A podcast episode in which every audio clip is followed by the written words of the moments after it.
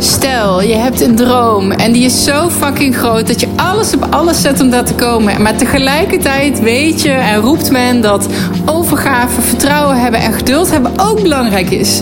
Hoe balanceer je dat? Ik vroeg het aan business mentor en serieondernemer Jeroen Offermans.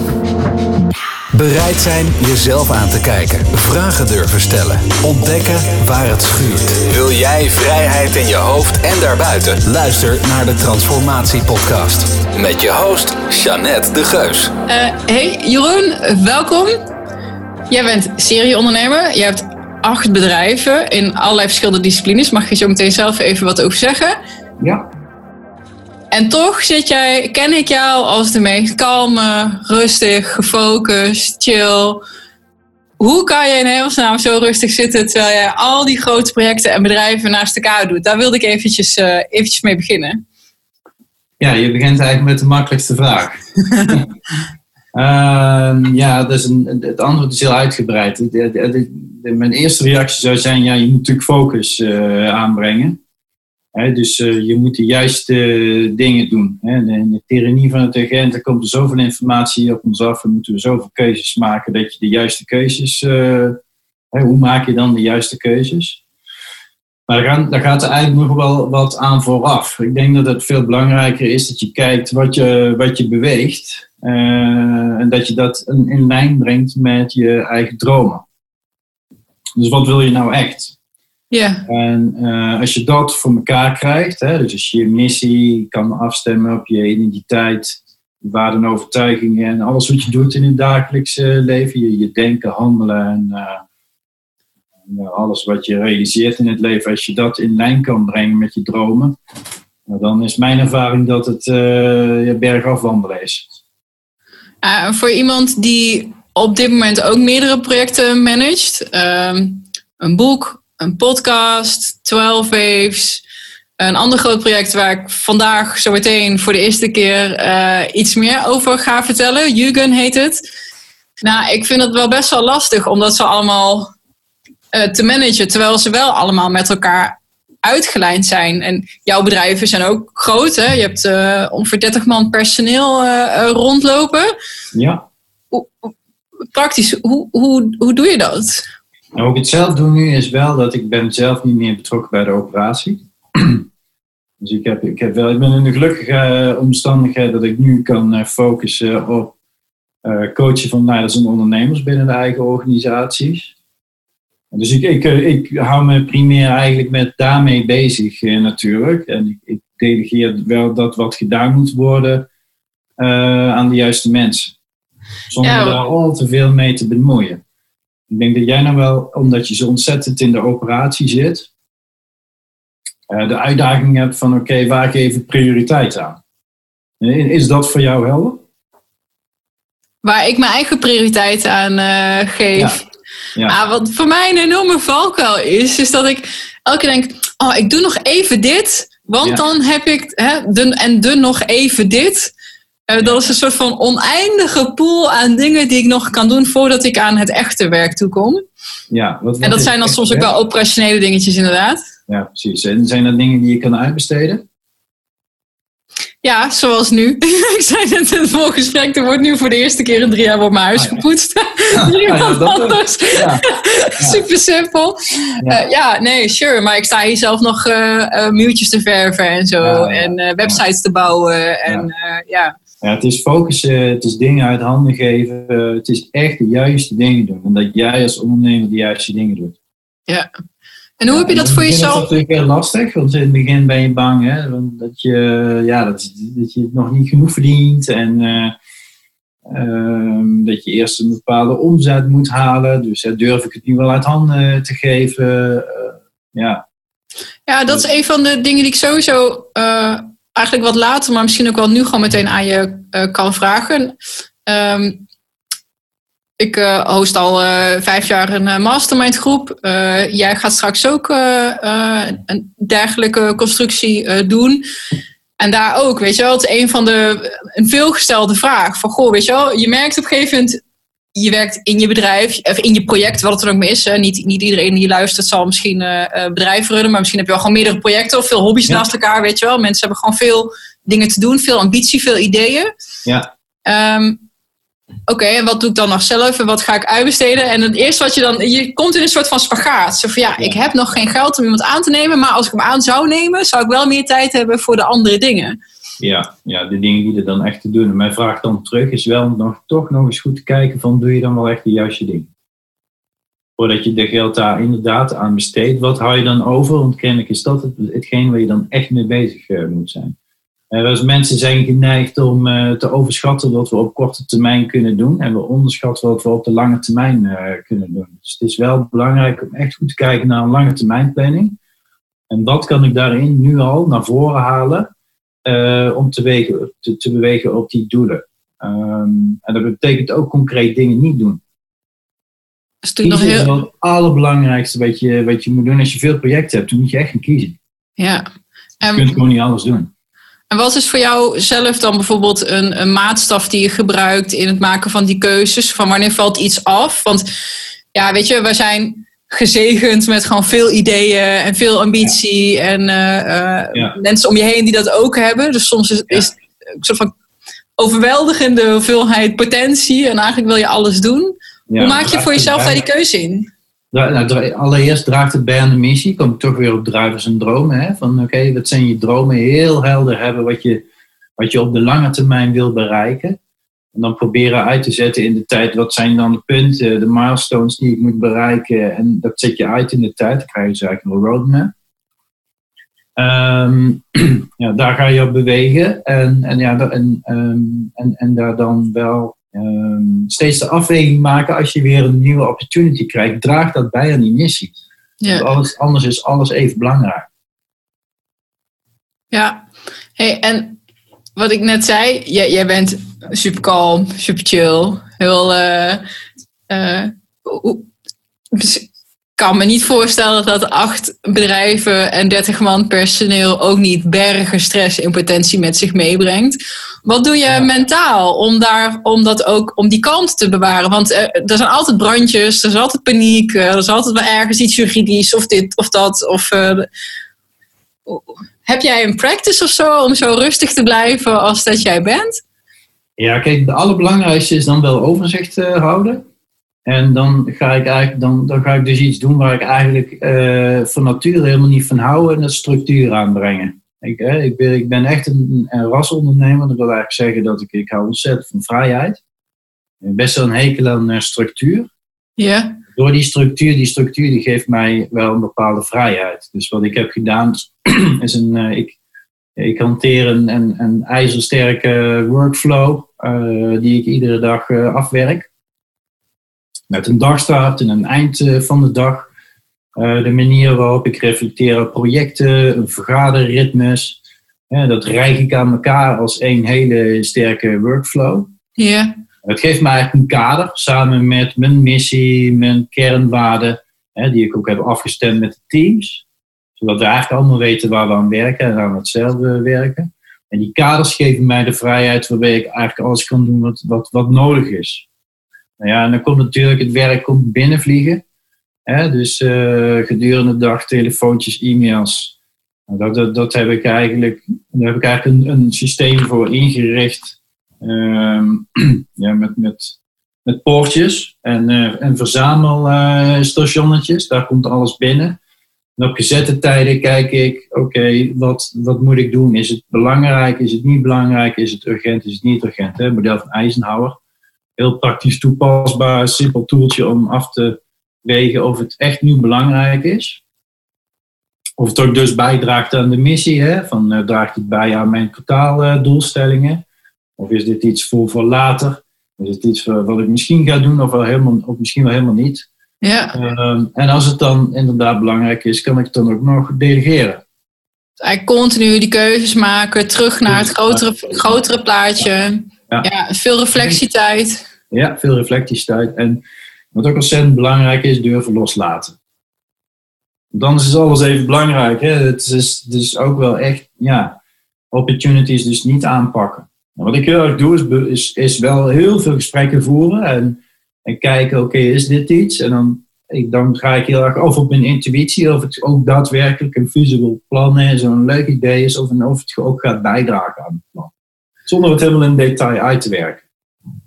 Oké, eh, je zegt uh, op, je vaart op intuïtie uh, dan.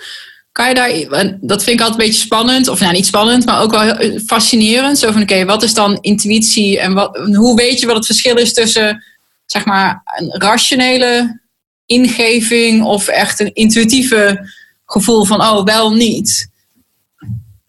Ja, dan, kom je eigenlijk op het stukje van introspectie. Hè? Dan, uh, reflectie en introspectie van wat gebeurt er nou bij mij van binnen en hoe doe ik de dingen die ik doe. Wij zijn als mensen en wij, uh, je kent de analogie van de ijsberg wel. En volgens mij is het daarmee begonnen, de 5% of 10% boven water. En je hebt het dan intuïties, is die 95, hè? die 90, 95% onder water. We zijn natuurlijk gewend, hè? Door, ook door de snelheid waarmee alles gebeurt uh, al die informatie die we op ons afkrijgen, om ook heel snel te reageren en dan met name in ons hoofd te blijven zitten. En het is juist, uh, ja, mijn, mijn overtuiging is dat het juist heel belangrijk is om van die 95% onder water, uh, om van die informatie ook gebruik te maken. En daarvoor moet je stilstaan, bij jezelf naar binnen gaan, kijken, oké, wat gebeurt er nou met mij? Wat gebeurt er nou in het contact met de ander? Um, en en wat, vertelt mij dat? En dan kom je ook wel op het, op het, uh, ja, op, op het terrein van aanvoelen. Het is best wel, om dat dan te horen van, en ik, ik weet wat voor bedrijven je hebt. Het zijn, het zijn uh, hoogrisicoberoepen, het zijn, uh, uh, nou misschien, trouwens, misschien kun je dat beter gewoon zelf vertellen dan dat ik dat doe. Maar je doet, je doet best wel spannende stoere mannen dingen. Niet echt iets waarvan je dan verwacht, nou, dat is een type ondernemer wat dan even de tijd neemt om hè, naar binnen te kijken en bij zichzelf te checken. Ja, deze, ik moet wel zeggen, ik ben nu uh, bijna 30 jaar ondernemer en er is wel een hele ontwikkeling uh, aan vooraf gegaan. Uh, ik ben begonnen ook vanuit onze ongelooflijke daadkracht. Uh, begonnen eigenlijk mijn eerste bedrijf, daarmee heb ik echt mijn passie gevolgd voor berg- en skisport. Mensen mee de berg ingenomen. Dat werd een succesvolle tour operation. Mijn eerste bedrijf. Van daaruit de doorstart eigenlijk gemaakt naar het, het veilig werken op hoogte. Dan niet zozeer met stijgers en ladders, maar oké, als dat dan dus niet kan. Dus hangend aan touwen op windturbines, booreilanden, voor de brandweer bijvoorbeeld, hè, hoogteredding, de politie. Voor Defensie. Dus nou dat, zijn, dat is uitgegroeid tot een groep met bedrijven die inderdaad op hoog risico, in de hoog risicosector zitten. Heel erg op daadkracht. Ja, jij zegt dan ja, stoere dingen doen en heel veel risico nemen. Hè? Net als ondernemers heel veel risico nemen. Nou, voor mij gaat, is het spelletje is eigenlijk andersom. Want volgens mij is ondernemen en ook bergsport op hoog niveau bij gevaarlijke dingen doen, hè, die, die echt ook daadwerkelijk gevaarlijk zijn, maar ook hoog risico dingen. Hè, dus, uh, boven de Noordzee uh, ben ik aan een touwtje schilderwerkzaamheden doen. Hè, dus bedrijven opleiden om dat soort werk te gaan doen. En hoe hoog hang je dan? Even zo van, ik, ik, ik, ik heb heel lang geklommen, dus ik weet wel hoe, hoe het is, zeg maar, om in een gordeltje te hangen op 20 of 30. Ik ben maar heel, heel paar keertje uh, hoger geweest dan dat, 150 meter of zo in de multipitch. Maar ja, ja, het maakt natuurlijk... Ik krijg nog steeds zweethanden als ik eraan denk, weet je wel. Het maakt niet uit of je van uh, eh, 10 centimeter in de Noordzee uh, valt of van, van 90 meter. Het effect zal hetzelfde zijn. Dat, dat is gewoon geen optie, zeg maar. Dus vallen is geen optie. Dus, nee. dus dat gaat heel, inderdaad, het, het gaat heel erg over risico's mijden. Dus hoe kun je zo veilig mogelijk werken om alle risico's eigenlijk te minimaliseren. En dan vervolgens, stel dat er wat gebeurt, wat ga je dan vervolgens doen om ja, een redding uit te voeren, elkaar te kunnen redden, een boot in het water te leggen in dit voorbeeld. Zo kun je zo veilig mogelijk werken. dat is eigenlijk ondernemen eigenlijk ook. Hè? Ondernemen zou ook eigenlijk risico's mijden. Dus je neemt risico's, maar je gaat dan ook wel heel erg kijken, oké, hoe kunnen we de risico's tot een minimum beperken? Ja, het zijn gecalculeerde risico's, je weet het ook. Ja, ja, ja, ja. Dat is eigenlijk risicomanagement. Ja. ja wat, wat is de vraag kwijt waar we vandaan kwamen, maar uh, dit is wel mooi. Uh, een, uh, nou, ik vind het wel leuk om, om want wij gaan samenwerken. Dus dat, um, leuk om iets meer ook te weten van ja, wat je achtergrond is. Want volgens mij, ik kan me niet voor. Ja, ik, ik denk als je met jou op je feestje staat, dat jij wel een paar hele stoere, stoere verhalen te, te vertellen hebt. Ik heb laatst iets opgevangen dat je ook iets uh, piraterij, zeg maar, iets hebt. Uh, uh, niet ontworpen wilde ik zeggen, maar. Ja, je bent warm. We hebben, op een gegeven moment zijn wij nou ja, vanuit het klimmen, vanuit het klimmen voor je werk zijn wij ook terechtgekomen bij de politie. En in positieve zin. Dan zijn we arrestatieteams gaan trainen voor het werk op hoogte in binnen- en buitenland. En, en van daaruit ook bij Defensie. En bij Defensie in binnen- en buitenland kwamen we eigenlijk uh, op het onderwerp het boorden van schepen. Je moet je voorstellen dat in de, tien jaar geleden in de Golf van Aden was een enorm probleem met piraterij schepen die gekaapt waren. Hoe kom je nou snel aan boord van een schip? En toen heb ik met een team spullen, ben ik spullen gaan ontwikkelen, klimuitrusting gaan ontwikkelen, waarmee je snel aan boord van een schip komt. Dus ofwel vanuit een, een snel rubberboot langs zij varen, ofwel sneaky duiken naar, je, hè, naar het doel toe en dan vanuit de, ver, de verrassing weer snel aan boord komen van een schip. Uh, toen hebben we een aantal uh, artikelen ontworpen, een aantal producten ontworpen, onder andere een soort harpoengeweer waarmee je een, een haak op het dek van een schip uh, schiet. En dat was dat op zich niet nieuw, dat bestond eigenlijk al, maar daar hebben we eigenlijk weer een, een doorontwikkeling op gemaakt. We, we hebben die methodiek kunnen revolutioneren door een soort van ja, een, een winch, een lier, een, een soort motor uh, te ontwikkelen die jij je klimgordel kan hangen, zodat een duiker naar het schip kan, uh, die haak op dek van het schip kan schieten. Dan heeft hij een touw uh, hangen, een lijn hangen. Dan kan hij dan die lier opklikken en langs die lijn omhoog rijden en aan boord van een schip komen. Ja, ik zie nu wel echt gewoon een uh, full-blown James Bond film voor me. Voor je. Ja. dat snap je wel. En daar zijn we eigenlijk opgekomen om, ja, weet je, ik kom niet uit die tactische wereld. Ja, maar niet gehinderd door enige kennis zag ik daar een oplossing en een team geformeerd. En dat is uiteindelijk dan natuurlijk een bedrijf geworden. Met mensen uit het werkveld. En hebben we eigenlijk methodes ontwikkeld om sneller aan boord van een schip te komen. Maar ook een stuk veiliger. Dus hoe kun je nou echt veiliger benaderen? Als je sneller aan boord bent van een schip en ook beter uitgerust bent, letterlijk uitgerust. dan, dan kun je ook meer weerstand bieden op het schip. En dan kun je dus ook sneller en veiliger daar uh, te werk gaan. en dat heeft me dan weer ja, bij een heleboel speciale eenheden over de hele wereld uh, binnengebracht. En dat is inderdaad wel leuk voor een feestje. Dat zijn de leuke verhalen. dat zijn echt de eenheden die je op televisie tegenkomt. Um, nou, dat, daar heb ik wel heel veel plezier aan beleefd. Wat is het, het spannendste wat je, daar, wat je daarin hebt gedaan? Dat je nu nog klamme handen krijgt? Ja, ik denk wel steeds het nieuwe, voor nieuwe uitdagingen en nieuwe oplossingen bieden. En, en ik, ik, heb niet zo 1, 2, 3 meer een voorbeeld, maar ja, ik heb echt met eenheden gewerkt die je in films tegenkomt. Uh, waarvan je dan op een gegeven moment jezelf uh, op een snelle rubberboot terugvindt en denkt van ja, hoe dan? Hoe kom ik hier als Nederlander uh, via de bergsport. We hebben natuurlijk geen bergen in ons, in ons plattelandje. Hoe kom ik hier in, in, in, dit land vertellen hoe je sneller en veilig aan boord van een schip komt? Ja, dat is super tof. Ja, ja je zei net ook, we hebben iets bedacht. Oké, okay, je had dat idee bedacht, dan ga ik daar een team omheen bouwen. Nou, dat is even, als je kijkt naar uh, mijn, mijn, eerste vraag ook, hè, hoe manage je al die bedrijven? Je doet het natuurlijk niet alleen. Ik zelf ben nu gisteren nog best wel hard zitten lachen, ook met Michel. Zo van, nou Jeanette, volgens mij ben jij degene waar, die, die de meeste mensen heeft weggejaagd. Ja. ik, ben nogal, ik ben nogal een tof koekje om mee samen te werken. Maar ja, ja. Um, ja, ja, echt, echt, een, echt een, een zoektocht, ook in, in mij, zeg maar, als... als uh, leidinggevende. Maar ja. weg ging te winnen. Ik ben heel, heel hard en heel uh, streng kan ik zijn. Maar ook voor, voor mezelf natuurlijk het aller, aller, allermeest. Dus die, en dat projecteer je dan soms ook op anderen. En daar moet ik eigenlijk wel een beetje mijn, mijn draaien in vinden. Wat is in jouw ogen het allerbelangrijkste als je mensen om je heen wil verzamelen om je droom te gaan realiseren? Of het nou iets is wat, hè, wat jij doet, of misschien wel iets veel dichters bij huis? Ja, dat is individueel. Stel je die vraag aan mij? Of, of... Ja, nee, aan jou. Ja. ja, voor mij is dat ook een ontwikkeling geweest. Ik herken wel wat, wat jij zegt, hè, de daadkracht. En we hadden het net over, ik heb een hele ontwikkeling doorgemaakt. En vanuit die daadkracht en allemaal stoere dingen doen en bedrijven bouwen. Voor je het weet zit je met een hele hoop mensen.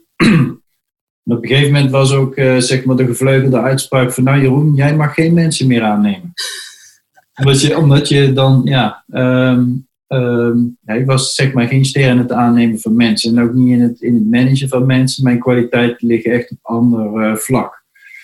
Ja, wat er dan dus nodig is, en het misschien ook wel een beetje wat ik bij jou dan hoor, van oké, wat, wat, wat wil je en wat, wat wil je veranderen? Wat wil je voor elkaar krijgen? En, en wat gebeurt er dan bij jou? Dus als ik weer even naar mezelf kijk, ik heb op een gegeven moment wel bedacht van, goh, uh, mensen aannemen, hoe doe ik dat dan?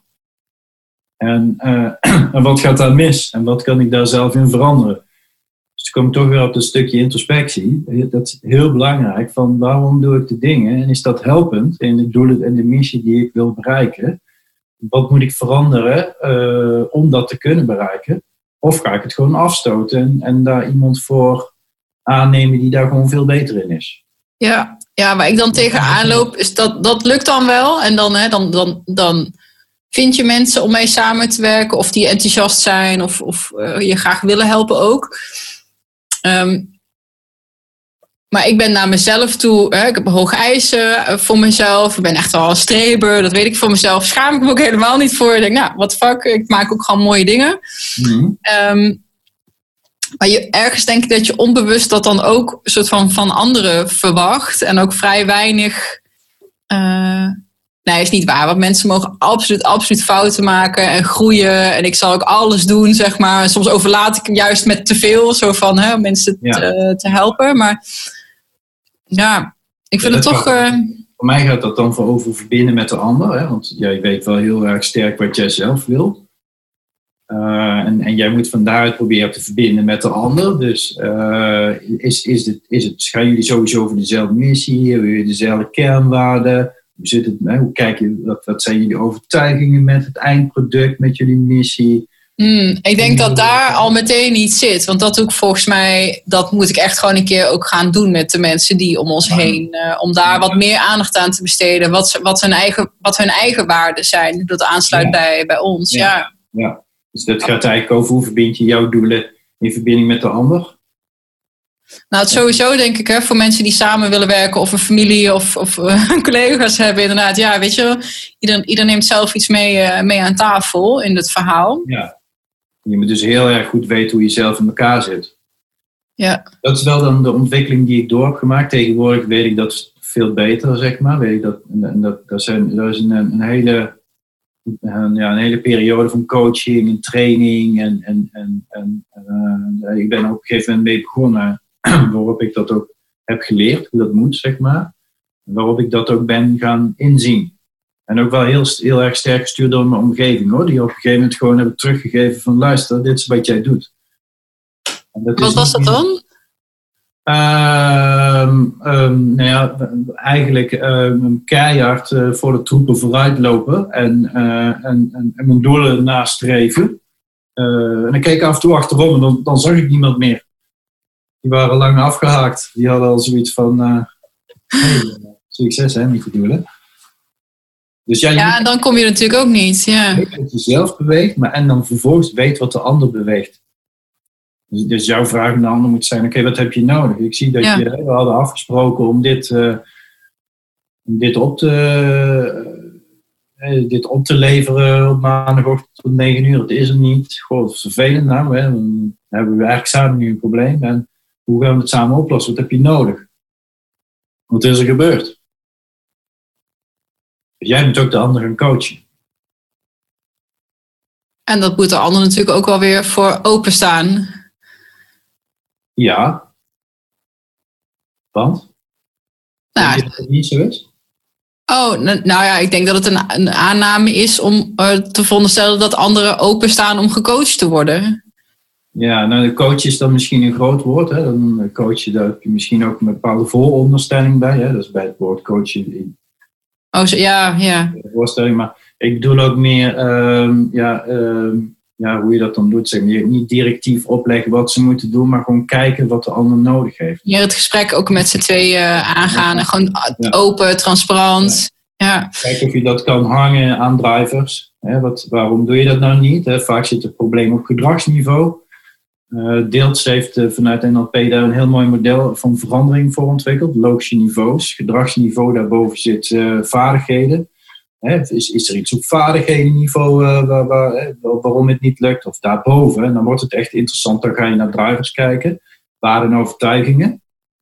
Nou, als je van tevoren hebt aangesloten op je waarden en overtuigingen, dan kan het wel over gaan. Ik vind het heel belangrijk dat die klant centraal staat. Dus, hé, hey, waarom is nu 9 uur is dit niet opgeleverd?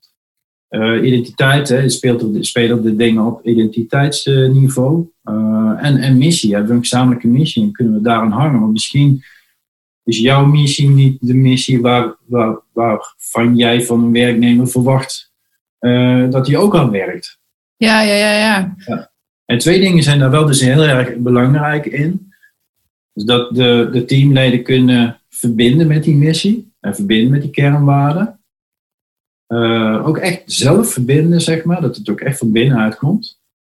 Uh, en, de, en dat mensen wel willen groeien. En, willen, en, en daar ook echt aan mee willen werken. En is het dan bijvoorbeeld iets wat je doet wanneer het zich voordoet? Of wordt dat structureel zeg maar, ingepland? Hoe pak je zoiets aan? Ja, nou, coach is voor mij wel uh, werken met wat er speelt. Ja, dus op het moment dat er iets is, dan uh, open je dat gesprek. Oké. Ja, en het mooie is dat eigenlijk maakt het niet uit waar ze mee komen. Als je dat gaat chunken, zeg maar ook, in, in van oké, waar gaat dat over? En waar gaat dat dan weer over? En dan kom je eigenlijk altijd wel tot dezelfde kern. Waar staat iemand zichzelf mee in de weg? Kijk, dat niveau van die loosje niveaus, hè, dat je kan veranderingen op allerlei niveaus kun je uh, inzetten.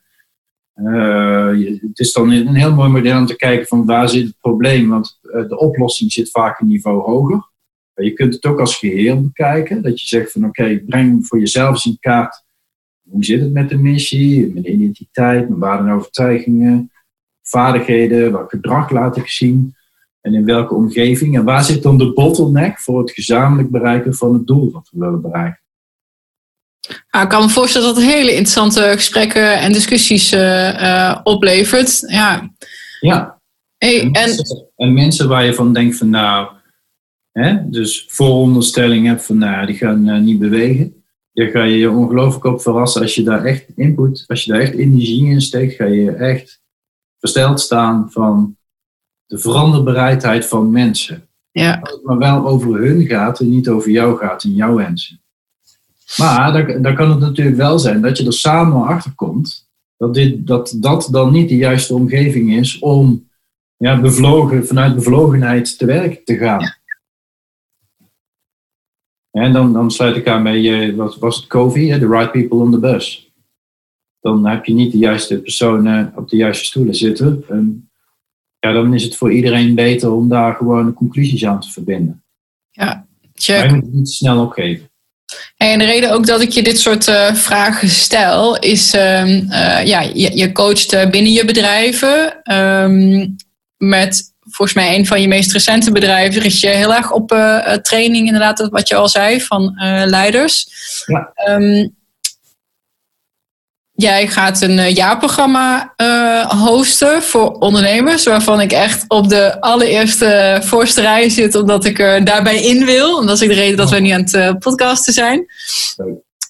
ik heb zelf natuurlijk al de afgelopen vier, ik weet niet eens meer precies hoe lang, volgens mij vier jaar, vijf jaar al. Dit wordt mijn vijfde jaar dat ik zelf een mastermind groep host. Dus ja. je gaat niet per se een mastermind groep doen, maar wel een... Um, dus de elementen van hè, wat mensen kennen van een mastermind. Ja. En zitten erin. En ja, weet je, dat heeft mij zo onwijs geholpen zelf. Uh, al mijn grote doorbraken, financieel, maar ook emotioneel. Ook in, qua loslaten bijvoorbeeld, uh, want dat is ook heel moeilijk. Ja. Um, zijn in die eigen mastermind gekomen. En ja, weet je, om dan uh, naast iemand als jou met zoveel projecten en ervaring en kennis en kalmte vooral. Een soort van balans. Uh, dus ja, ik heb daar echt super veel zin in. Kan je alvast even een klein beetje vertellen hoe dat, wat, wat dat jaarprogramma is voor degenen die, die, die luisteren? Ja, we gaan een, een traject starten, negen maanden, voor uh, ondernemers. En dat kunnen starters zijn of dat kunnen wat meer ervaren ondernemers zijn die uh, alweer wat verder zijn in de onderneming. Tot, laten we zeggen, een, ja, een omzet van half miljoen, zeg maar. Daarboven komen, spelen weer andere uitdagingen en krachten. Dus zeg maar start tot een, een, een half miljoen omzet. Um, en, en ja, je moet het eigenlijk zien als een ondernemersreis, waarbij we eigenlijk wel weer aan, de, aan het begin beginnen. Dus door in kaart te brengen van, uh, nou, wie ben jij en wat doe je en wat, is, wat zijn je dromen? Dus eigenlijk waar we het net over hadden. Dus in kaart brengen van de identiteit eigenlijk. En de mogelijkheden van hè, waar sta je nu en waar wil je, waar wil je heen. Um, dat, dat hebben we in een, een masterclass, uh, dus een, een, dag, een masterclass. De uitkomst van die, van die masterclass is uh, je identity map. Dat geeft structuur en richting voor je strategie. Dat is de tweede workshopdag, tweede masterclass. Ja. Uh, daarin ga je je structuur uitwerken en kom je eigenlijk tot een businessplan. Maar niet het businessplan zoals we dat vroeger op, op, de opleiding kregen, hè, op, op de, in, in de studie, maar echt een, een, een ja, uitgelegd simpel uh, op een A4'tje de belangrijkste punten. Dus wat zijn mijn belangrijkste doelen? Wat, wat zijn mijn uitgangspunten, mijn visie, mijn kernwaarden? Wie is mijn kernklant? Waar, en, en waar ga ik me op richten de, de komende eh, drie jaar, één jaar? En wat zijn mijn projecten, drie tot vijf projecten voor de, voor de komende drie maanden? We gaan uh, werken in blokken van drie maanden. Met daar ook aan cijfers. Want uh, ja, we hebben het heel erg gehad over de binnenwereld. Hè? En, uh, ik, ik, zeg verken de binnenwereld, uh, verover de buitenwereld. Want het gaat uiteindelijk ook wel om het verbinden van die, ja, laten we zeggen, menselijke kant met de harde kant. Dat is echt een supermooi slogan, by the way. Verken je binnenwereld, verover de buitenwereld. Ja, ja. dat is voor mij echt zeg maar wat het verschil heeft gemaakt. Een aantal jaar geleden door alleen maar care te pushen op opschalen, winst maken. Maar dan vervolgens achterkomen dat je eigenlijk alleen maar aan het ploeteren bent. Ja. Je, jezelf op de verkeerde top vinden. Uh, en, en, en, dan, en er is weer een volgende top die weer hoger is. Uh, juist door, door, door die binnenwereld te gebruiken, zeg maar, door die te verkennen, kun je gewoon veel meer uh, bereiken. Veel meer vrijheid, veel meer geluk, maar ook veel meer winst in je eigen onderneming. En dat, Ehm, en misschien ook wel een beetje iets te vinden voor dat gevoel. Ik, ik, las dat laatst ergens en ik vind het zo typisch. Als je aan het creëren bent en een ondernemer is ook aan het creëren. Mhm. Het voelt een beetje, oh je bent een marathon aan het lopen. En op het moment dat je op het finish bent van de marathon, start de volgende marathon. dat is een beetje hoe een ondernemersreis of een creatiereis voelt. Weet je wel? Zo, oh, je staat die top en dan komt er meteen weer de volgende top. En meteen weer die volgende top. Weet je wel? Zo van, en elke keer verlang je naar de eindstreep. Oh, straks kan ik eindelijk even uitpuffen. Maar nee, weet je, dat is ondernemen. Dat is, daar, daar, komt geen einde aan, zeg maar. Nee, en het is wel heel belangrijk om die successen wel te vieren. Dus om even op je top te staan, even aan te voelen. Ook weer in de binnenwereld. Samen met het team, want het is heel erg verbindend ook. Mm. Even dat succes vieren. Even alles van je afschudden. Even terugkijken. hey, hoe hebben we dit eigenlijk gedaan? Hè? Wat, en wat kunnen we nou de volgende cyclus van drie maanden weer beter doen? Um, hoe ging dat, hè, het samenwerken? Dus moeten, we nog, uh, moeten we nog een keer met elkaar praten? Hè? Of, uh, het, het, laatste stukje om even die cijfers goed te krijgen, daar zijn, ja, daar zijn we ook wel echt even zo gegaan. Maar ja, hoe is het met elkaar? Hè? Ja, ja, daar kan ik zelf als, als 12 directeur zeg maar, echt nog wel wat, wat van leren. Uh, om, vooral om het gewoon in te plannen. Want je doet een soort van de aanname en het gaat goed en het kabbelt voort. En je spreekt elkaar en je doet projecten. En weet je, het gaat lekker, maar samen echt even die tijd nemen structureel om dat soort dingen te doen. Daar zie ik voor mezelf echt nog wel wat verbeterpunten. Terwijl ik het wel weet, maar dan meteen, ja, weten is natuurlijk niet doen. Dat... Ik, hè. je, het gezegd is, you teach best what you most need to learn. Nou ja, ik, ik, heb, hier, ik heb hier flinke stappen in gemaakt, maar um, geloof mij, dat is een valkuil die wij als ondernemers allemaal instappen, nog steeds. Het is alleen wel zo dat je door uh, routines, door structuur aan te brengen, door dit gewoon uh, voorafgaand aan, dat, dus binnenkort weer januari. Dus de tweede helft december kun je eigenlijk de agenda weer gaan inplannen. Wanneer gaan we onze sessies doen, het vergaderritme en, en, je daar gewoon ook echt aan houden. Ja, ja. ja. Check, hij staat, hij staat op de lijst. Ik, uh... Dit. Ja. Want het wel weten en het dan één keer initiëren, maar het moet een routine worden. Ja. Uh, en er moet iemand voor verantwoordelijk zijn die dat ook zorgt dat dat netjes in de agenda komt. En dat we er allemaal zijn en dat het voorbereid is. En, uh... Ja, en dat het ook iets oplevert voor de deelnemers. Ja. Dat ook heel belangrijk is. Hey, en nou, de reden dat ik graag in die mastermind wil en ook jou heel graag daar als. Ik, ik zie jou echt als een hele prettige mentor. Trouwens, de eerste keer dat ik dat merkte was omdat uh, ik in een rechtszaak uh, ben beland vorig jaar. Ja. Uh, dat weet ik nog. Toen hadden we een vergadering, daar was jij bij. En ik was echt helemaal aan, aan, het panikeren en ik had stress. Want ehm, ik had een, een opdrachtgever en dat liep heel vervelend, het was heel naar. En uiteindelijk uh, wilde hij niet betalen. En het was echt al een factuur van uh, meer dan 10.000 euro. Die, uh, weet je wel, op drie kwart van een traject kapte hij ermee. Ik zal geen, ik zal geen namen noemen. Maar um, ja, weet je, dan moet je dan achter je geld aan. Dus dan hè, een deurwaarder en vervolgens een advocaat. En nou, dan uh, ga je iemand uh, zelfs uh, beslag laten leggen ook en zo. En allemaal niet betalen. Dat was allemaal heel vervelend. Ik vond het heel stressvol. Jij stond daar gewoon zo naast mij. Ah joh. ik heb elk jaar wel wat, weet je wel. Als gewoon is je eerste, hoort er een beetje bij. Ach, weet je, maak je niet druk. En vooral gewoon jouw kalmte erin, dacht ik ja, ik moet me ook niet zo druk maken. Weet je wel, is dit ook weer een keer iets wat ik heb meegemaakt? Het is niet persoonlijk, dat was het voornamelijk. Het, het hoort daarbij, het hoort bij het spel. Ja, precies. Dat en, want ja, het, is de het identificeren met je bedrijf, hè, hoor, hoor ik daarin ook. Ja. Ja, dat is heel persoonlijk, hè? Want ja, ik sta daar drie kwart jaar training te geven. Dus. Ja. En het tweede wat ik erin hoor is het is beheersbaar, onbeheersbaar. Want loslaten is ook wel, je moet echt loslaten. Je moet continu afvragen, is beheersbaar, onbeheersbaar. Je gaat zoveel mogelijk, hè. je moet wel natuurlijk je advocaat in, uh, in uh, de juiste informatie geven. Maar daarna moet je gewoon echt loslaten. Want je, op dat moment is het voor jou niet meer beheersbaar. Ah, dat loslaten, echt serieus.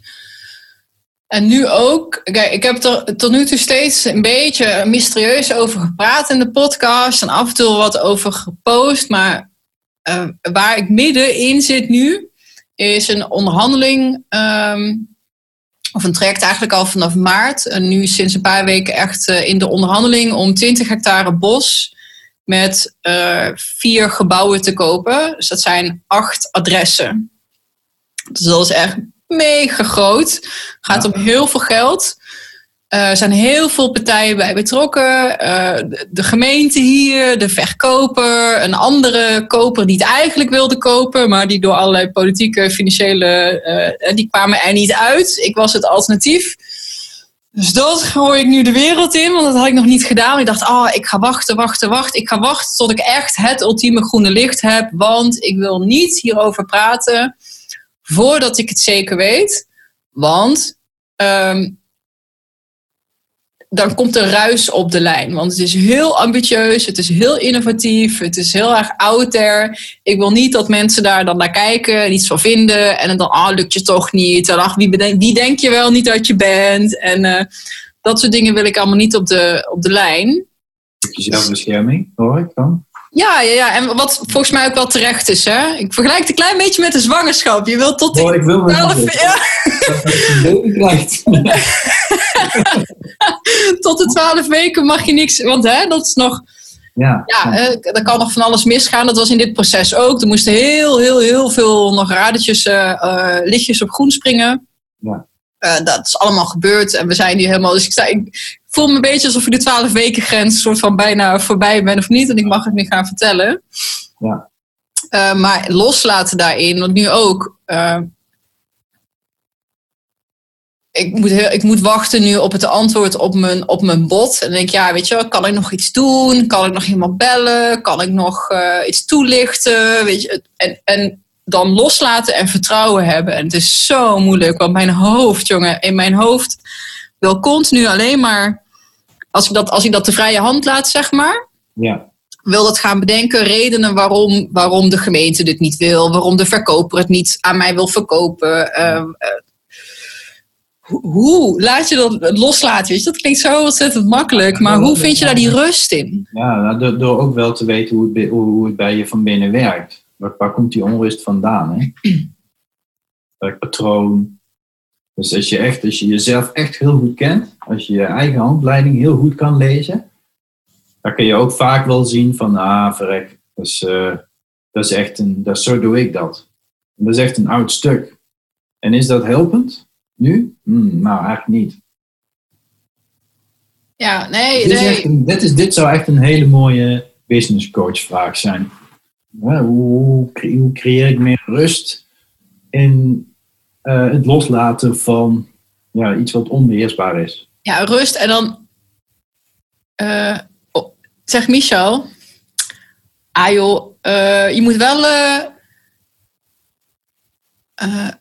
vertrouwen houden. Je moet er wel echt in blijven geloven. Hè? Hou je, je vibratie, je frequentie hoog. Ga nu niet zitten mokken of uh, panikeren of huilen. Ik, ik, oh, ik, heb, ik ben alle kanten ingepingeld al de afgelopen maanden.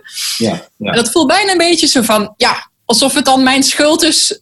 Weet je, uh, omdat ik niet even zit te mokken. Ja, nee, kijk, dan ontstaat bijna self-fulfilling prophecy. Dus inderdaad, je moet die energie wel hoog houden. Als je het beter los kan laten, kun je die energie ook hoog houden. Want dan kun je die energie ook gebruiken door bijvoorbeeld te zeggen van... hé, hey, als het nou op deze plek niet lukt, waar lukt het dan wel? En ik heb hier zo ontzettend veel van geleerd, want nou, ik heb die gesprekken allemaal al een keer gevoerd. En die uh, papieren en die spreadsheets heb ik al een keer ingevuld. En dat uh, nou, die, die, al, al, al, het concept staat.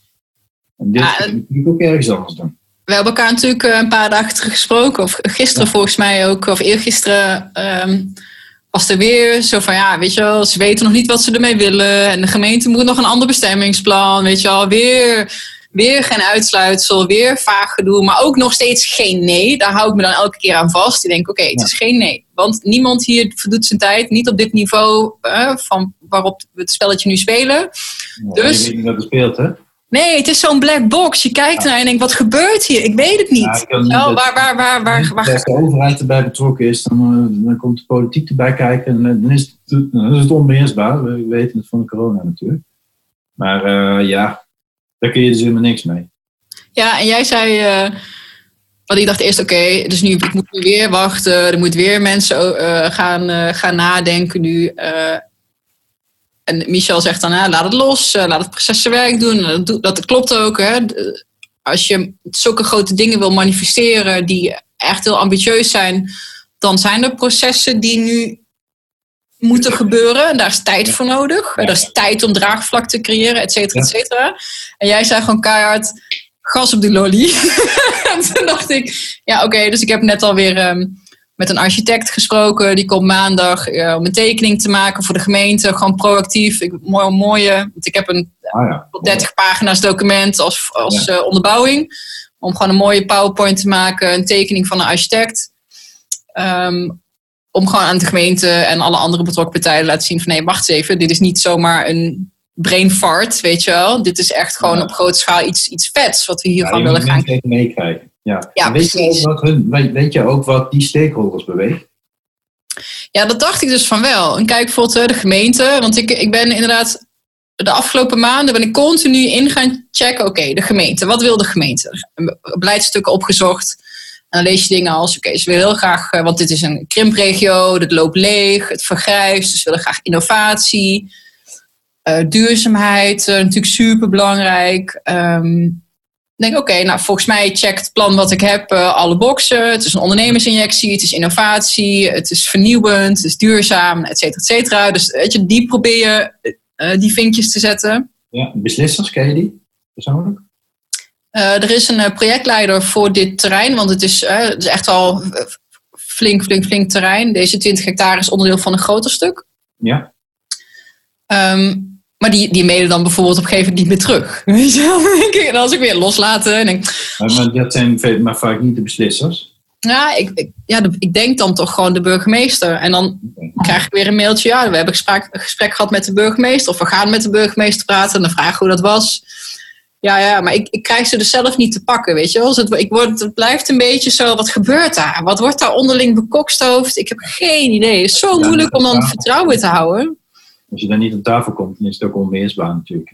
Ja, en dan zeg je gewoon, ja, loslaten. Nou ja, en, en uh, ja, nou ja, loslaten. Uh, emotioneel niveau loslaten, niet het project loslaten. Maar... Uh, dat is een goeie, want je kan op twee manieren loslaten, ja. De uitkomst loslaten. Ja. Gehechtheid aan de uitkomst. En, ehm, en, en wat, is er, wat is er nog meer nodig of, of mogelijk? Van, kun je het project ergens anders starten? Ja, kun je daar iets op bewegen? Dat is wel een goeie. Die had ik tot nu toe nog niet zo want ik dacht, ja, loslaten, dan laat je het helemaal los. Maar inderdaad, nee, ik, ik kan nog steeds al die dingen doen. Die, die architect, die aannemer, de gemeente. Weet je, er zijn nog genoeg zetten die ik kan zetten. Maar ik kan het wel, het emotionele stuk, wel loslaten. Van oké, wat er ook gebeurt, ik pak dit op en ik strijk ergens anders neer. I will be fine. En ik leer er wat van. Oh, ja. In die zin uh, is het ook herkaderen. Hè? Dus dat je, uh, dat je het eigenlijk gewoon een nieuw... Het schilderijtje geef je gewoon even een nieuw kader. Ja hey, je kan hier wat van leren. Nou, dan is het op het meest slechte geval is het een leerproces wat je eigenlijk kan, eh, kan inzetten om ergens anders uh, er een succes van te maken. Ja, ik merk dat ik mijn eigen. Ik heb dan zo'n mijn mantra, I'm willing to walk away. Weet je wel, wat er ook gebeurt, als dit morgen allemaal het doek valt, dan is het prima. Want dan, um, dan was dit niet hetgene waar ik moest zijn. En dan waarschijnlijk ook, als je dan een paar jaar later op terugkijkt, denk je, oh, ik ben zo blij dat dat toen niet is doorgegaan, weet je wel. Dat waren dingen die ik nu weet, die ik toen nog niet wist. Oh, wat blij dat ik die dans heb ontsprongen. Maar dat, wordt ook, dat is ook weer zo'n mindfuck van, oké, maar hoe zit het dan met vasthouden, weet je wel. Je moet wel die daadkracht en dat proactieve, want er is niemand die dit voor mij gaat doen. Nee, je moet gewoon blijven bewegen, maar, maar de gehechtheid en de uitkomst, laat dat dan los. Ja. Mooi. ja. Dat wordt nog even oefenen, denk ik. ja, verandering, hè. Dus nu, uh, als je het dan gaat zien, um, en, toepassen. Ik ga nog, nog eentje vragen over stellen. Wanneer, wanneer weet je wanneer je wel los moet laten? Want ik kijk dan even een heel, heel, heel extreem voorbeeld. Neem Trump. Uh, op, iedereen die naar Trump kijkt nu, die zou zeggen: gast, admit defeat, weet je wel. Uh, ja. Dat is het extreme, meest extreme voorbeeld van gewoon niet los kunnen laten. Gewoon door blijven nee. ploeteren. Maar wanneer weet je wanneer je los moet laten? Wanneer weet je wanneer je, je het moet helemaal aan moet overgeven? Zo van, oké, ja, dan niet. Of dit mislukt. Of dit is het niet. Dat is natuurlijk geen, dat is geen objectief gegeven. Dat blijft dan toch uh, ja, op basis van je gevoel of er nog wat aan te doen is, ja of nee. Alleen hoe goed ken je jezelf? Waar gaat het dan om? Wat ben je dan aan het bewijzen? Ben je, zit je in een patroon probeer je iets te bewijzen wat je vroeger ook altijd al uh, moest bewijzen? En is dat waarom jij voor jezelf oké bent? Of zie je daadwerkelijk nog uh, een mogelijkheid in het probleem? Ja, nou als je kijkt naar, naar uh, Jugend, volgens mij heb ik de naam nog niet, uh, niet genoemd, maar dit centrum, ik wil hier een centrum stichten. Centrum voor Groei, Duurzaamheid en Herstel. Uh, Retraitecentrum Plus Plus, dus daar gaan hier workations worden georganiseerd, maar ook Hell Weeks met studenten. sowieso komen de studentenprojecten, onze eigen trainingen uh, microdoseercoaching of, of therapievormen, psychedelica. Dus echt een, een centrum met alle dingen die ik echt super vet vind en die we al doen. Uh, en hier vooral een plek creëren voor, voor andere ondernemers om dat hier te gaan uh, opzetten. Ja. Dus Jugend, Jugend Forest. Nee, daar, daar zijn we zeker nog niet klaar. Daar, daar is dit, nog, dit, dit spel nog niet gespeeld. Of dit, er zijn nog zetten die ik kan doen, zeg maar. Ja, ja nou ja, wanneer is het dan uh, tijd om uh, dat los te laten en die energie op iets anders te richten? Uh, dus of dat, dat het niet meer in balans is, dat de, de, energie die je moet geven en wat het, hetgeen je gaat opleveren, of dat er een, ergens anders een opportunity oppopt, hè, een andere locatie waar je dit zou kunnen neerzetten. ja, er zijn, er zijn meer, meer, dan, meer plekken in Nederland dan dit. Ik bedoel, dit is ook echt wel dit is een asielzoekerscentrum geweest, een TBS-kliniek, uh, gevangenis. Een unieke, sterke, unieke plek. Het moet gewoon lukken. Ja. Maar als het dan niet lukt, ja, dan lukt dit wel ergens anders. Ja, oh, daar ben ik 100% Als buitenstander kijkt dan, dan tegenaan en denkt, ja, dan, dit, dit lukt ook wel dan wel ergens anders. Jij wil dit zo graag. Je hebt het over druivers, druivers en dromen. Dit is zo sterk, dit is zo sterk jouw missie, dit gaat jou gewoon lukken. Ja, oh, dat, dat ben ik echt, dat voel ik echt in alles, inderdaad. En daarom zo van, ja, uh, ja, ja. En dat, mag je wel. uitstraalt in de energie, zeg maar. Dus wat je uitstraalt. Um, en misschien nog niet bij de, bij, zit je nog niet met de juiste mensen aan tafel, maar dat gaat je wel ergens lukken, dat ik zeker. Ja, ja de, de lijntjes die staan uit. Uh, ik denk dat het straks ook naar een gemeente toe wat makkelijker praten is als ik een mooie uh, met die, adv die advocaat wil ik zeggen, architect. Gaan we echt helikopterview, weet je wel, het terrein in het grotere perspectief en wat komt het hier brengen? Ja, maar mooi hey, om te brengen ook in, in het jarentraject.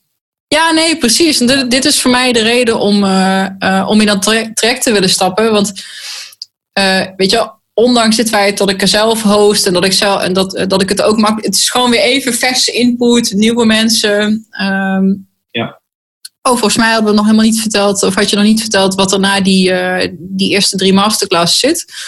Ja, dus die tweede masterclass, dan heb je je strategiepapier.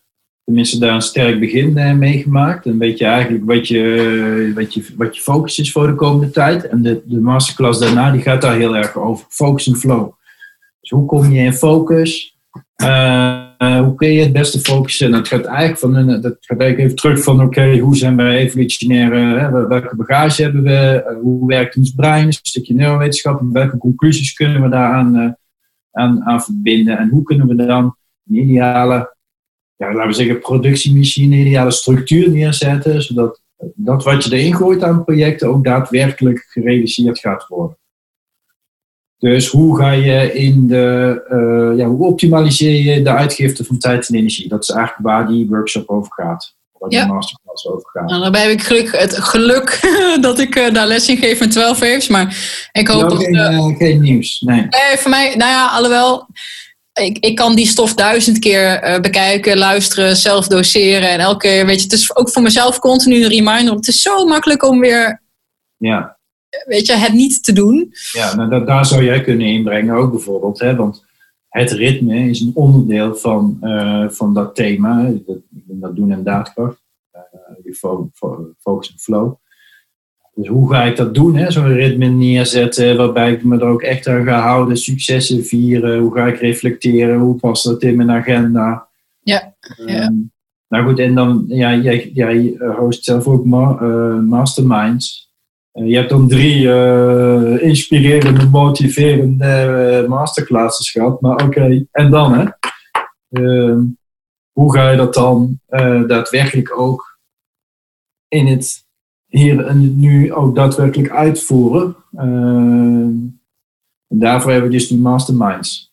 Dus wat we daarna gaan doen naar die masterclasses is zes masterminds. Dus dan komen we om de uh, laten we zeggen, zes weken bij elkaar. We volgen dan ook het ritme wat je met het bedrijf, hè, de drie maanden cycli, uh, volgen daarmee.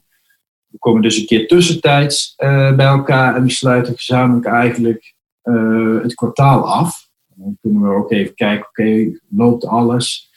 Um, iedere mastermind bestaat eigenlijk uit, een, uit een, aantal vaste onderdelen. Eerst doen we een sit-rep, dus iedereen krijgt gewoon even korte tijd om te vertellen waar hij staat. Ehm, waar die tegenaan loopt. Ik kan een probleem uh, inbrengen. Uh, vervolgens verdiepen we wat, uh, wat theorie of wat cases verder uit. Het kan best wel zijn dat ik een, een, case waar één iemand mee zit, wat centraal staat en op dat moment speelt, dat we dat vastpakken en daarmee aan de slag gaan. Ja. Um, ja, en dan een stukje accountability. Want uh, we maken dan weer nieuwe afspraken. Dit is wat we de komende tijd gaan doen. Uh, nou ja, bij de volgende mastermind kunnen we daar ook teruggrijpen van... oké, okay, wat is daarvan terechtgekomen? En uh, wat heb je nodig om de volgende keer... Ah, wat ik tof vind aan dat, aan dat laatste, dat, dat stukje accountability... is dat het twee kanten op gaat. Want het is en een soort van stok achter de deur die ik gebruik ook in mijn eigen mastermind. Als mensen zeggen, nou ja, over uh, zes weken heb ik, oh, dan heb ik wel uh, tien kopjes koffie uh, gepland staan. Weet je, dan ga ik een beetje onderhandelen. Ja. Nou, heb je zes weken. denk dat je wel meer dan één, uh, of niet kopjes koffie, maar belletjes gedaan of zo. Dan ga je een beetje onderhandelen, een beetje pushen, die grens. Dus aan, die, en, en aan de ene kant werkt het heel erg motiv nee, pushend. Ja. Aan de andere kant heb ik ook mensen in de groep die zeggen: Je mag me voor 15 dingen accountable houden. En dan ga je juist weer terug. van oké, nee, maar waar draait het nu echt om? En welk ene ding gaat dan echt die voortgang brengen? Ja. Bij, voor mezelf ook, want ik ben van die tweede. Ik, ik wilde, voor mij mag je altijd aan tien dingen accountable houden. Ik moet juist heel erg gaan focussen. Ja, ja. ja. Dat is hoeveel projecten. Je kan er wel, je kan er wel vijftien doen, maar als vijf past in jouw plan, moet je er gewoon vijf doen. En als vijf jou oplevert waar, waarvoor je. Je, zit natuurlijk ook, je doet dat niet voor niks. Dus je zit in dit geval een funnel uh, vast waarschijnlijk. Dat, doe je met een bepaalde reden. Dan moet je ook je plan daadwerkelijk uitvoeren. Ja. Um, even een hele, hele andere type vraag. Voor mij is dit de eerste keer dat ik een, een project of een onderneming of iets, iets wil gaan maken, creëren, waar, een, waar geld voor nodig is. Een voorinvestering. Um, dat was voor mij helemaal nieuw ook. Want normaal, ja, niet normaal, maar daarvoor, uh, je begint een blog of je start iets, je verkoopt wat, je maakt wat. En zo langzaamaan, eigenlijk uh, een soort bootstrapping, je investeert je tijd en je middelen. En, en uh, ik had nog nooit nagedacht over, oké, okay, nu heb ik straks echt heel veel centjes nodig bijvoorbeeld. Ja. Ehm, hoe realiseer, hoe, wat, wat, zo, hallo Jeanette, anders stel je gewoon even lekker een samenhangende vraag. Ja. um, ja, hoe doe je dat? Nu wordt me gevraagd van, oké, okay, ga je naar de bank voor een hypotheek of ga je particuliere investeren? Dus ik merk dat ik daar ook nog wel een beetje, want je zegt ja, de bank, want dat is lekker goedkoop, lage rente. Ja. Um, ten opzichte van particuliere investeerders? nou, nou, dit, dit uh, roept bij mij dan heel veel vragen op. Laten we vooropstellen, ik ben geen expert op financieel gebied. Als ik binnen mijn eigen onderneming kijk, zeg maar, de, de dingen, een van de dingen die ik het als eerste uh, zelf uit handen heb gegeven is uh, financieel management en, en dit soort vragen. Cash management, zeker als je gaat opschalen en dat wordt heel belangrijk. Dus een goede financiële adviseur is eigenlijk de allereerste professional die je erbij moet halen die dan ook verstand heeft van jouw branche. En, uh, nou ja, en waar het om draait, vastgoed of, ja, of als je bijvoorbeeld een, eh, een investeerder, gaat die investeerder gaat hij dan mee participeren? Wat neemt hij mee? Daar heb je echt een goede adviseur bij nodig. Ken ik, maar ik ken het spelletje natuurlijk wel. Ja. Nou, die, tech, ja, die kan ik hem wel beantwoorden. En ik ken hem ook natuurlijk vanuit de investeerder, want dat doe ik zelf ook, mee participeren. En dan is mijn, nou, wat gezegd hebben, de eerste vraag is eigenlijk van gaat het om vastgoed of gaat het om uh, ja, participatie echt? Omdat er gewoon... Wat bedoel je met participatie? Ja, zijn er machines nodig? Is er, uh, waar, waar, zijn de middelen voor nodig? Is het durfkapitaal of is het uh, vastgoed? Ik weet denk ik niet precies wat durfkapitaal is, maar... Nou ja, gaat, gaat jouw geld in marketing, reclame, oh productontwikkeling dingen die daar allemaal weg zijn? Nou, het, beide. Ik heb een uh, flinke, uh, flink bedrag nodig voor het vastgoed, gewoon het, het aankopen. Maar omdat dit dus al ook zes jaar leeg heeft gestaan en eigenlijk nooit goed, uh, of in ieder geval is benut, nou, niet goed bijgehouden is, mm-hmm. um, is er nog bijna één keer zoveel nodig ook aan renovatie. Um, en, en met die renovatie heb ik even ook het opstarten, de marketing, de huisstaal, de website. Uh, ja. Uh, ik heb één FTE, dus echt een fulltime persoon nodig, operationeel bijvoorbeeld. Ja. Je koopt grond, je koopt panden en je gaat die panden verbouwen. Ja. En als het misgaat, dit project, jouw, bedrijf zeg maar, dan zit daar een. Dan zou je moeten kijken naar de bestemming, hè, naar het bestemmingsplan, maar dan is, daar, is dat een bepaald risico. En als dat risico laag is, omdat als je het weer gaat verkopen, uh, dan, uh, dan, dan krijg je dat geld weer terug. Ja, dan is een bank is een hele makkelijke, veilige, tenminste als ze daar ook in mee willen. Ik weet niet wat de verhouding is, hoeveel je gaat verbouwen, of dat ook bijdraagt aan, uh, of dat ook bijdraagt aan de verkoopbaarheid. Ja, ja, 100%. Want het is nu, het is nu niet te verkopen. Ik bedoel, daarom stond het ook zo lang leeg. Dus je moet het echt weer bewoonbaar maken en dus ook verkoopbaar. Ja. ja. En dus, ik noem maar wat. Stel je voor dat er een boomstelling op zou kunnen. En je, je, en je bouwt daar wat. Nou, dan wil iedere investeerder. Kan dat van jou overnemen of kan dat risico overnemen? Of ook van een bank. Ja, dan heb je, heb je voor weinig geld, hè, weinig kosten, heb je een hypotheek.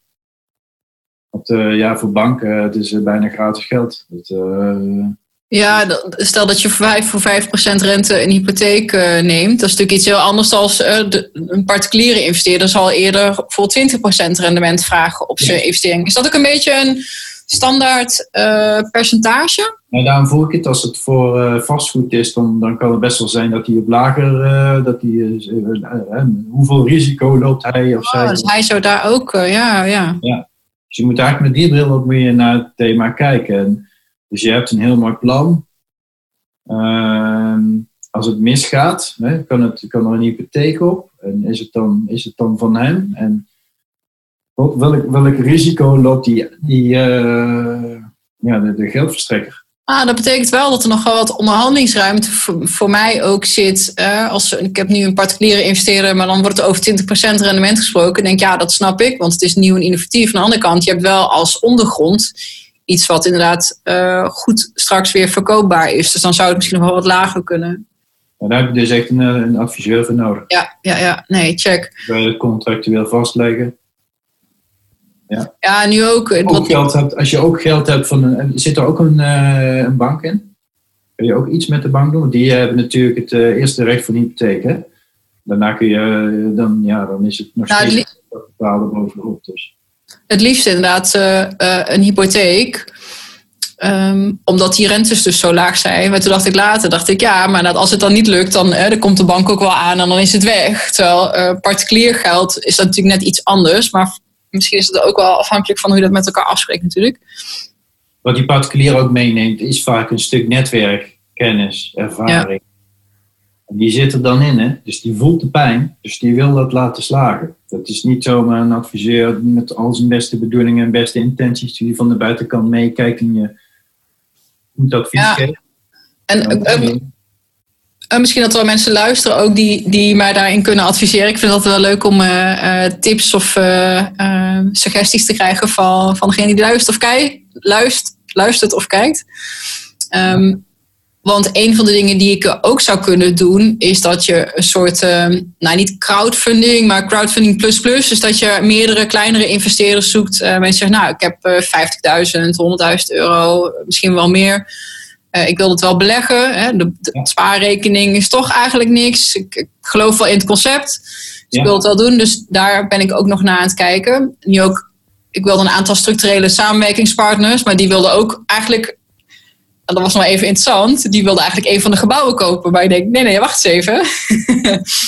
uh, dat wordt ook iets om over na te denken. Van, er zijn vier gebouwen. Als we straks met vier partners zijn, koopt dan elke partner één gebouw? Of kopen we het met z'n allen samen in een soort van collectief? Uh, wie, is dan, wie is dan de eigenaar daarvan? En uh, nou, wordt nog maar even een interessante puzzel en zoektocht dit. Maar... Ja, dan zou ik, ja, om meer in te adviseren, moet je echt veel meer details hebben, gegevens hebben. En, uh, ja. ja. Maar dat zijn inderdaad.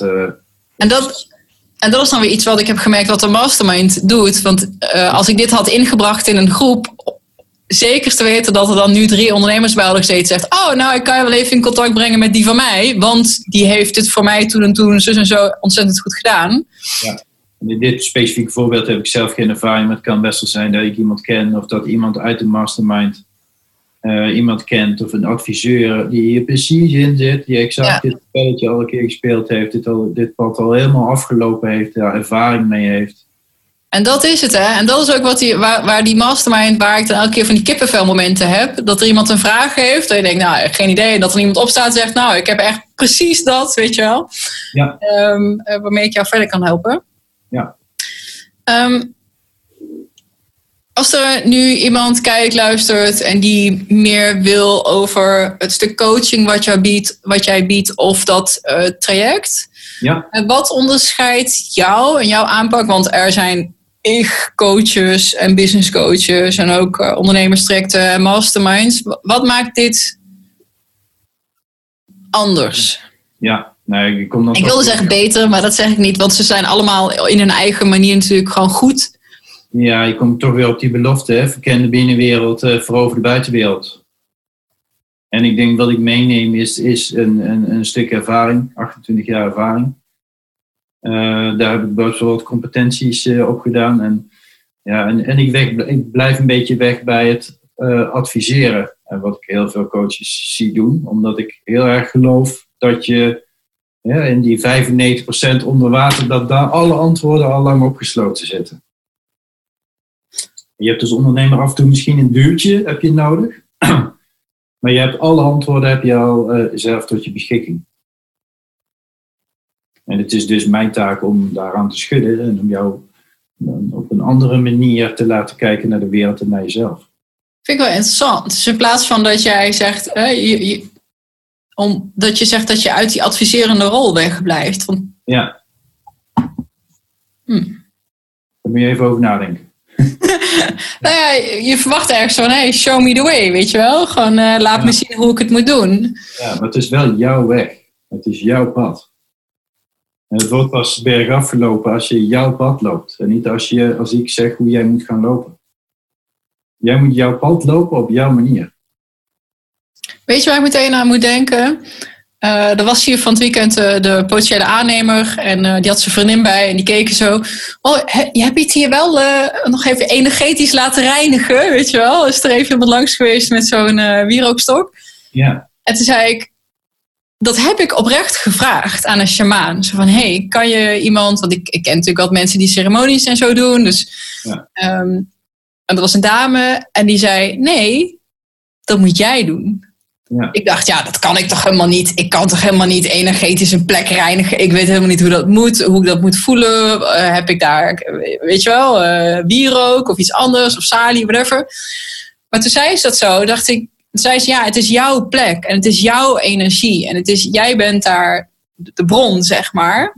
Ja. En dus het maakt niet zo heel veel uit hoe je het doet.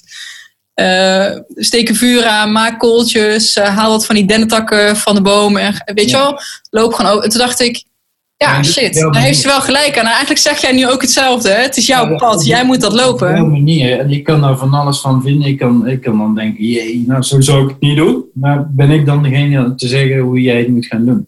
Ja. Dat denk ik niet. Ik denk dat jij dat zelf wel weet. Ik kan natuurlijk wel je spiegel voorhouden en je laten zien van oké, okay, heb je ook naar de keerzijde gekeken en wat zijn de risico's en heb je daaraan gedacht en jij moet die beslissing nemen. Ja, ja, jij kan mij wel vragen stellen die ik zelf niet voor mezelf kan bedenken natuurlijk. Ja, dat is coaching. Dat is echt, gaat over je blinde vlekken. Dat gaat over de vragen die nooit gesteld uh, zijn. Uh, te schudden aan het wereldbeeld. Opnieuw naar de materie kijken, maar vanaf een andere kant. Hè, dat is ook iets wat ik, ik heb zelf ook niet coach. Ik kan mezelf ook niet coachen. Daar heb je echt iemand bij nodig. Anders zit je echt tegen, een, tegen je eigen blinde vlek aan te kijken. Dus dat, en dat gun ik iedereen. Weet je, die, die ontdekking die ik daar gedaan heb, die gun ik iedereen. Dat je ook, ook gewoon lekker je eigen pad mag lopen. En dat er niemand is die jou precies gaat vertellen hoe je het moet doen. Dan moet je gewoon lekker zelf ontdekken. Oh man, ik heb er echt helemaal zin in. Wanneer beginnen we? Ja, eind uh, maart. Eind maart en dan uh, dus tot, uh, tot december. Ja. Dan, hoeveel man gaan er in die groep? zes tot acht. En als je vol zit, starten we weer een nieuwe. Helemaal top. En gaat, zijn we dat, is het trouwens virtueel of weet ik eigenlijk niet eens? Is het virtueel of fysiek? Nee, fysiek. dus we komen die drie masterclasses bij elkaar. We hebben die zes masterminds. Dat, dat is een halve dag. Dan doen we nog twee uh, specials. Eén is een Vision Quest. Nou, dat uh, ben ik natuurlijk uh, goed mee bekend. En dat gaan we hopelijk ook op mijn terrein doen. Jazeker. En we doen een SF Experience. En daarmee plaatsen we iemand in... dat is ook een, dag fysiek. En dan, daarmee plaatsen we iemand in een, in een bijzondere situatie. van snel veranderende omstandigheden, druk op de ketel. En hoe ga je daar dan mee om?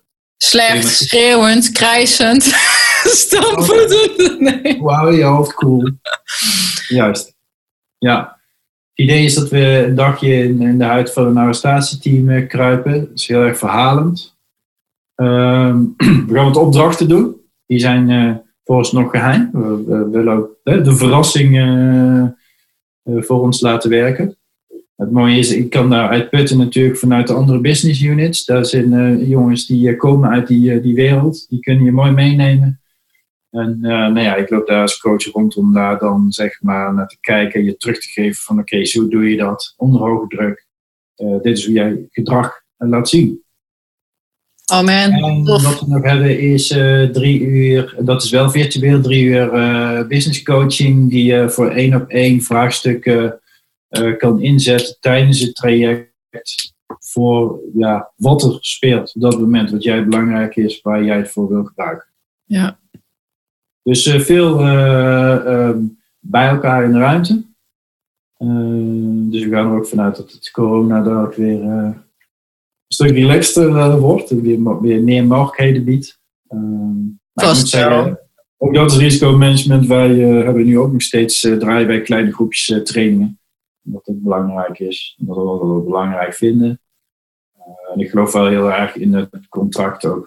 Voor coaching zo'n uurtje is prima. Zo'n podcast opnemen, maar een dag trainen. En echt dingen uitwisselen. En ja, je kwetsbaar kunnen opstellen, dat is toch wel fijn, zeker met een groep, om dat echt face-to-face te doen. Dat je ook echt iemand compleet ziet. En in, in iemands uh, veld zit ook. Ja, ja, ja.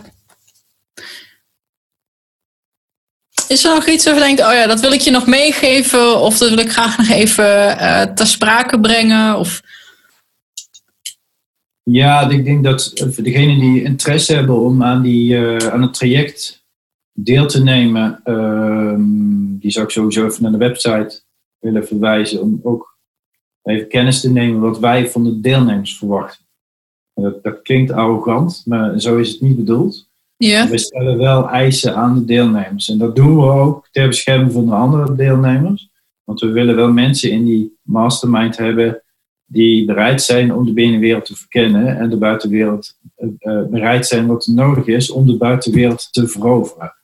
En, en daar heb je toch wel een bepaalde drive voor nodig, een bepaalde kwetsbaarheid. En je moet wel echt mee willen doen. Het is, een, het is zes tot acht man. Eh, dat vormt uiteindelijk een hechte groep. Uh, op basis van vertrouwen wordt daar ook best wel wat gedeeld. Dus dan een heel sterk instrument heb je coaching. Uh, elkaar coachen. Uh, maar je moet er echt wel meedoen. En als we, we kunnen ons niet veroorloven dat, er, dat de helft uitvalt halverwege. Dus we willen echt commitment hebben. Um, en dat is ter bescherming ook van elkaar. En maakt het dan nog wat uit hoe ver iemand is in zijn project, droom, doel, bedrijf? Nee, sterke drivende missie is, is belangrijk. Het kunnen starters zijn. Het kunnen ervaren ondernemers zijn die een start-up hebben. Hè, zoals, eigenlijk, zoals jij, dus ik wil ja. iets uh, beginnen. Maar het kan ook zijn van, nou, ik, ik, ik ben uh, bezig uh, ik loop, uh, ik, ik, ik, ik, doe al een paar jaar doe ik ton anderhalf en ik wil doorbreken. Ik wil richting die half miljoen wil ik doorbreken. En hoe doe ik dat? dat? Dat, je dat inbrengt als doel. Ja, en het kan zelfs een, ja, een ondernemende professional zijn. En daarmee bedoel ik een, iemand die, die traint of coacht of een liefst alleen wil werken, maar dat wel als bedrijf beschouwt. Uh, en, en die op die manier in de mastermind wil zitten en een volgende stap wil maken met zijn onderneming. Kijk, ondernemers, dat zijn echt mensen die uh, een bedrijf willen groot maken, opschalen, die ook de visie hebben dat ze dadelijk mensen in dienst hebben, dat ze een, een schaalbare uh, ja, product- of dienstverlening ontwikkelen, zodat ze ook daadwerkelijk kunnen opschalen, groot kunnen worden dat uiteindelijk ook zelf niet, eh, niet, meer, eh, niet meer de belangrijkste schakel eh, daar zijn. Ja. En je hebt natuurlijk ondernemende professionals die gewoon het liefst alleen werken en ja, schrijven of designer zijn, coach zijn, of nou ja, die een ambacht doen bijvoorbeeld. Ehm, en die dat ook op die manier klein willen houden, relatief klein. Maar daar vooral heel erg met de content, met de inhoud bezig willen zijn. Nou, beide zijn welkom. Ja, ah, krijg je ook een leuke mix, denk ik wel, wat elkaar wel mooi kan, kan inspireren. Ah, echt uh, voor degenen die, uh, die kijken, luisteren. Um, Jeroen, ik zal zorgen dat uh, jouw contactgegevens in de beschrijving bij de podcast komt. Dus kunnen mensen eventjes op doorklikken. Ik geloof dat je rechtstreeks zelfs in jouw agenda kan ja. iets erin kan schieten om even kennis te maken.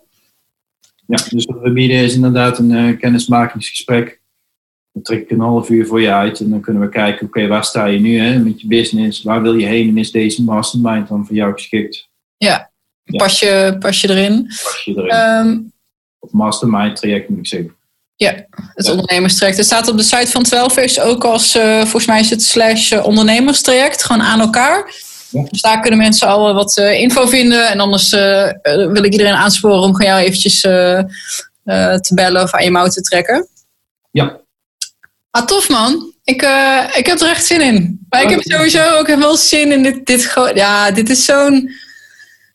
Het, uh, het blijft. Ik ben zo blij dat ik wedstrijdervaring heb, bedacht ik me laatst. Dat ik op hoog niveau uh, die kettlebell-wedstrijden heb gedaan. En, en daar, daar andere dingen ook.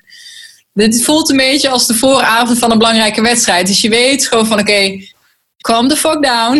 het heeft echt nul zin als ik nu mezelf. Dat werkt averechts. Dus die zelfcontrole en dat loslaten en dat zen proberen, dat lukt wel. Uh, maar het is heel, heel, heel vergelijkbaar met zenuwen voor een, uh, voor een wedstrijd. Zo, ik moet presteren. Ja, ja. ja. de gehechtheid loslaten, hè, de uitkomst. Ja, dat was met, die, met zo'n kettlebellwedstrijd ook. Mijn allereerste uh, het Europese kampioenschap. Toen was ik zo gebrand op, ik wist wat ik kon. Ja. Uh, en dan ben je al in je hoofd, heb je, die, heb je de medaille en de beker al, en heb je al gewonnen, een nieuw record gevestigd, et cetera. En toen ging het echt heel kut, was ik veel krampachtig, snel verzuurd, uh, had ik echt de slechtste score ooit. Ja. En een dag later mocht ik in een andere categorie meedoen en toen had ik eigenlijk alle teleurstelling en frustratie en nou, whatever, gewoon een leuke avond gehad. En toen stond ik daar heel relaxed en toen haalde ik echt een PR. En dat is, dat is eigenlijk precies hetgene wat dat loslaten dan doet, weet je wel. Dan floot het ook gewoon lekker. Dan is die kramp eruit. Datzelfde ken ik uit de bergsport. Hè. Het is heel belangrijk om een doel uh, te hebben en die top uh, in het vizier te hebben. Maar als je te gehecht bent aan de uitkomst, dan ga je, dan ga je gekke dingen doen. Dan ga je, uh, je, hebt, je hebt bepaalde punten, tijdspunten waar je gewoon moet zijn en anders haal je het niet meer. Kom je in donker terecht of kom je in lawinegevaar omdat het dan te warm wordt op bepaalde hellingen je moet echt keuzes blijven maken.